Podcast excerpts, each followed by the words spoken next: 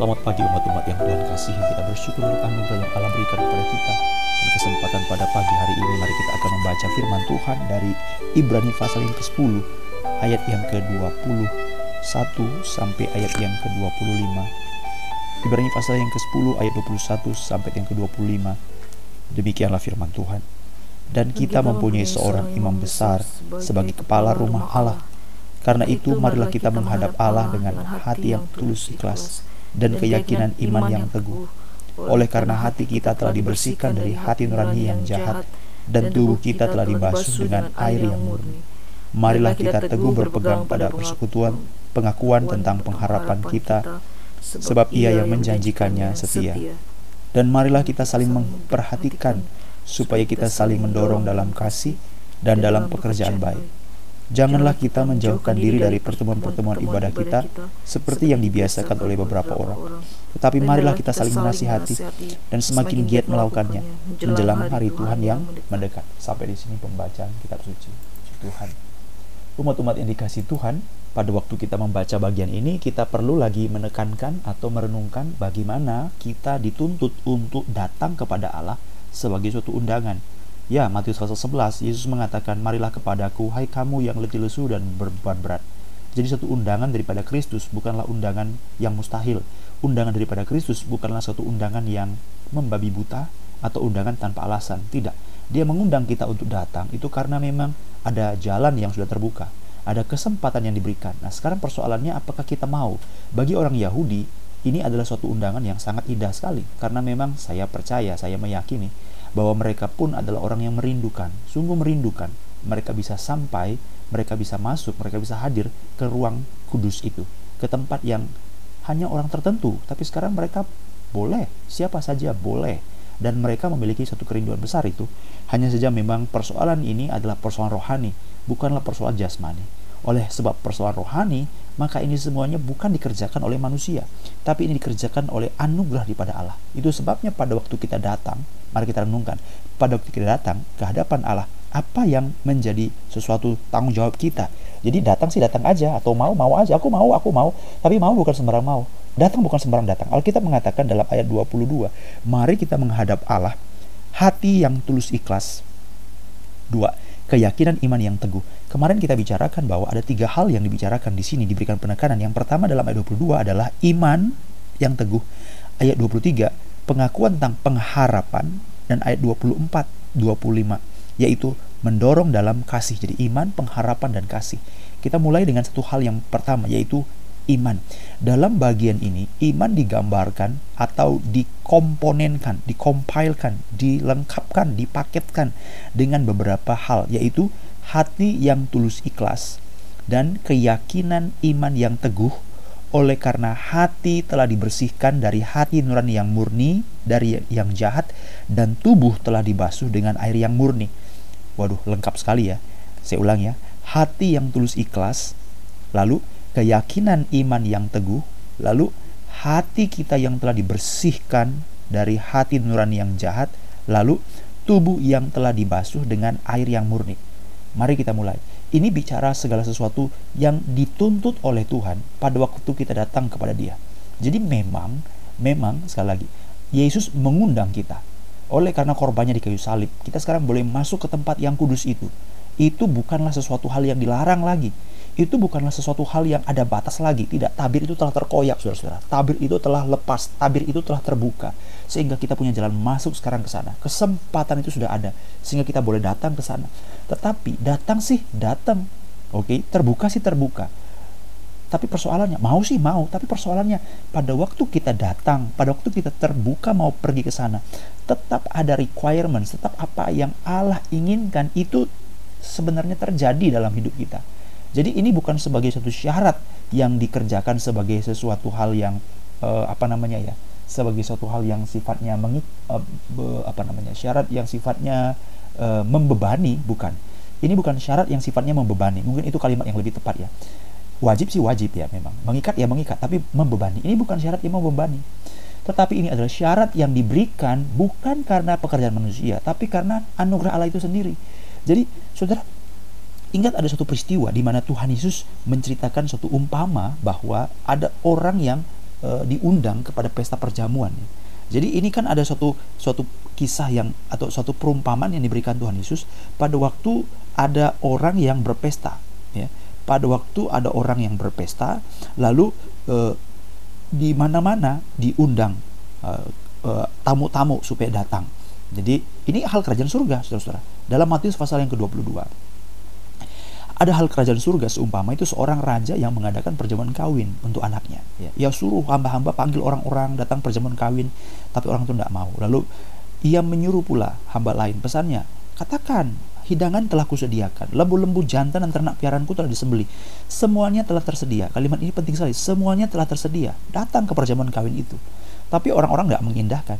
Lalu ditangkaplah apa ada yang nangkap hambanya ada yang macam-macam. Ya Matius pasal 22 saudara. Saya ingin langsung kepada kalimat yang terakhir. Sebab itu Tuhan berkata karena orang tidak tidak mau mereka tidak layak. Kenapa tidak layak? Ini aneh sekali ya. Kalau tidak layak kok ya terserah yang mau datang dong. Bukan. Ini bukan terserah yang mau datang. Ini adalah anugerah daripada yang mengundang. Karena semua telah disediakan. Makanya ada istilah tidak layak. Ya tidak layak itu berarti kan sesuatu yang lebih tinggi tidak layak itu kan sesuatu yang lebih agung memberikan kepada yang lebih bawah. Jadi kenapa orang yang diundang itu disebut tidak layak? Ya karena memang yang mengundang ini lebih tinggi. Nah, dan Alkitab mengatakan tadi semuanya telah disediakan. Itu kan merupakan satu hal yang penting. Ayat yang keempat, semuanya telah kusediakan. Semuanya hidangan telah kupersiapkan. Nah, makanya pada waktu diundang engkau nggak mau, yaitu bukan yang mengundang yang rugi, tapi yang diundang itu yang rugi. Kamu tidak layak. Sebab itu pergi ke persimpangan, undang setiap orang. Jadi orang-orang di persimpangan, orang-orang di jalan-jalan, orang-orang jahat ayat 10, orang-orang baik itu semua diundang supaya penuhlah tempat perjamuan itu. Oke. Jadi ini merupakan suatu hal yang menunjukkan bahwa ada sesuatu undangan yang diberikan, segala sesuatu telah disediakan, segala sesuatu telah dipersiapkan sehingga yang datang itu adalah orang yang ready, Ready untuk apa? Ready untuk masuk. Tetapi perlu digarisbawahi. Walaupun segala sesuatu itu adalah undangan. Walaupun yang diundang itu adalah orang baik, orang jahat, orang di persimpangan, orang di yang dari mana-mana gitu loh. Walaupun yang ketiga, segala sesuatu waktu orang itu diundang, ingat itu adalah undangan di mana semuanya telah dipersiapkan dan membutuhkan kelayakan. Ini yang penting. Sehingga pada waktu tuan itu, raja itu masuk bertemu dengan tamu-tamu, Matius 22 11, ia melihat ada seorang yang tidak berpakaian pesta. Oke? Okay? Lalu ia berkata kepadanya, Hai saudara, bagaimana bisa engkau masuk kemari dengan tidak mengenakan pakaian pesta? Tetapi orang itu diam saja. Mungkin kalau manusia sekarang membaca, loh tuan raja, kamu jangan kamu jangan terlalu menuntut berlebihan. Lah yang kamu undang itu kan orang-orang jalanan, orang-orang cacat, orang-orang timpang, orang-orang yang memang tidak punya kemampuan untuk membeli pakaian pesta barangkali ya. Orang-orang yang tidak punya manner, orang-orang yang memang tidak punya kebiasaan untuk diundang kepada perjamuan yang mewah. Ya kamu harus terima. Kalau kamu undang orang biasa, ya kamu harus terima dia apa adanya. Kalau kamu undang orang yang tidak mampu, ya kamu harus terima, kamu harus berdamai, kamu harus bersahabat dengan tidak mampuannya. Salah sendiri, kenapa kamu undang orang yang tidak mampu? No, no, no, no. Itu bukan isunya, saudara-saudara. Karena apa? Ingat, poin yang pertama tadi, karena segala sesuatu telah disediakan. Yang kedua, walaupun kamu adalah orang jalanan, orang jahat, orang catat, orang miskin, tetapi Alkitab mengatakan kamu adalah orang yang dituntut untuk layak. Jadi saudara-saudara, dan untuk bisa layak, segala sesuatu telah disediakan, termasuk pakaian pesta telah disediakan untuk kamu. Sehingga pertanyaannya, bagaimana mungkin kamu bisa masuk ke sini tanpa pakaian pesta? Sehingga yang disalahkan di sini bukan pengawalnya. Pengawal, kenapa orang ini tidak kamu persiapkan pakaian pesta? Bukan itu salahnya. Tetapi orang itu sendiri. Itu sebabnya dalam ayat 13 dikatakan, Lalu kata raja itu kepada hamba-hambanya, ikat kaki dan tangannya, campakkan orang itu. Dia bukan bertanya, mana kepala pengawal, mana badan urusan rumah tangga, mana staf yang ngurusin pakaian-pakaian. Kenapa orang ini tidak diberi pakaian? Tidak. Itu berarti orang ini dengan penuh kesadaran. Dia tahu bahwa dia harus masuk ke tempat itu dengan segala atribut yang sudah dipersiapkan, tapi dia tidak mau. Jadi datang sih datang, tapi bukan sembarang datang. Karena kedatangan itu bukanlah kedatangan yang menjadi beban. Kedatangan itu adalah kedatangan yang merupakan wajib, merupakan hal di mana kita harus menjadi orang yang layak. Jadi pada waktu kita datang kepada tempat yang kudus, Tuhan berkata, marilah datang kepadaku. Puji Tuhan, haleluya. Alkitab mengatakan, marilah kita datang menghadap Allah. Kita menghadap dengan penuh keberanian. Puji Tuhan, ya puji Tuhan siapa yang tidak mau? Mau dong. Tapi mau bukan sembarang mau, datang bukan sembarang datang. Alkitab mengatakan, mari kita datang dengan pakaian pesta. Matius 22, datanglah dengan pakaian pesta. Karena pakaian pesta itu disediakan dengan Allah. Haleluya. Alkitab mengatakan dalam Ibrani pasal 10, datanglah menghadap Allah. Dengan apa nih pakaian pestanya? Hati yang tulus ikhlas, puji Tuhan. Apa nih pakaian pestanya? Keyakinan iman yang teguh. Apa nih pakaian pestanya? Hati yang telah dibersihkan dari hati nurani yang jahat. Apa nih pakaian pestanya? Tubuh yang telah dibasuh dengan air yang murni. Jadi dari sini kita bisa tahu datang sih bukan sembarang datang. Jadi banyak orang dia terlalu menuntut Allah. Kalau aku lemah, itu salahnya Allah, bukan salahku. Uh, kamu keliru. Waktu orang ini datang Matius 22, datang dengan pakaian pesta. Tuhan itu tanya, kenapa kamu datang dengan tidak berpakaian pesta? Orang itu diam aja. Kenapa? Karena memang bukan salah tuannya, bukan salah pengawalnya, bukan salah yang mengundang, bukan salah penjaga yang tidak memberikan batasan atau peringatan-peringatan. Engkau yang dengan penuh kesadaran menolak untuk memakai pakaian itu. Sehingga pada waktu kita datang, diundang, datang menghadap Allah di tempat yang kudus itu. Kenapa engkau tidak berpakaian pesta? Atau saya baca dengan bahasa ayat 22. Kenapa engkau menghadap Allah dengan hati yang tidak tulus ikhlas? Kenapa engkau menghadap Allah bukan dengan keyakinan iman yang teguh? Kenapa engkau menghadap Allah bukan dengan hati yang telah dibersihkan dari hati yang jahat? Kenapa engkau menghadap Allah dengan tubuh yang tidak dibasuh dengan air yang murni? Kenapa? Ya itu bukan salahnya Tuhan.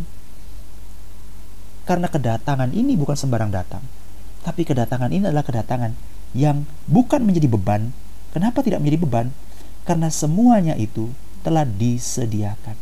Jadi ayat 21 saudara-saudara, saudara harus garis bawahi ayat 22. Hati yang tulus ikhlas itu bukan usaha manusia. Tapi hati kita bisa tulus ikhlas itu adalah pekerjaan dari Allah.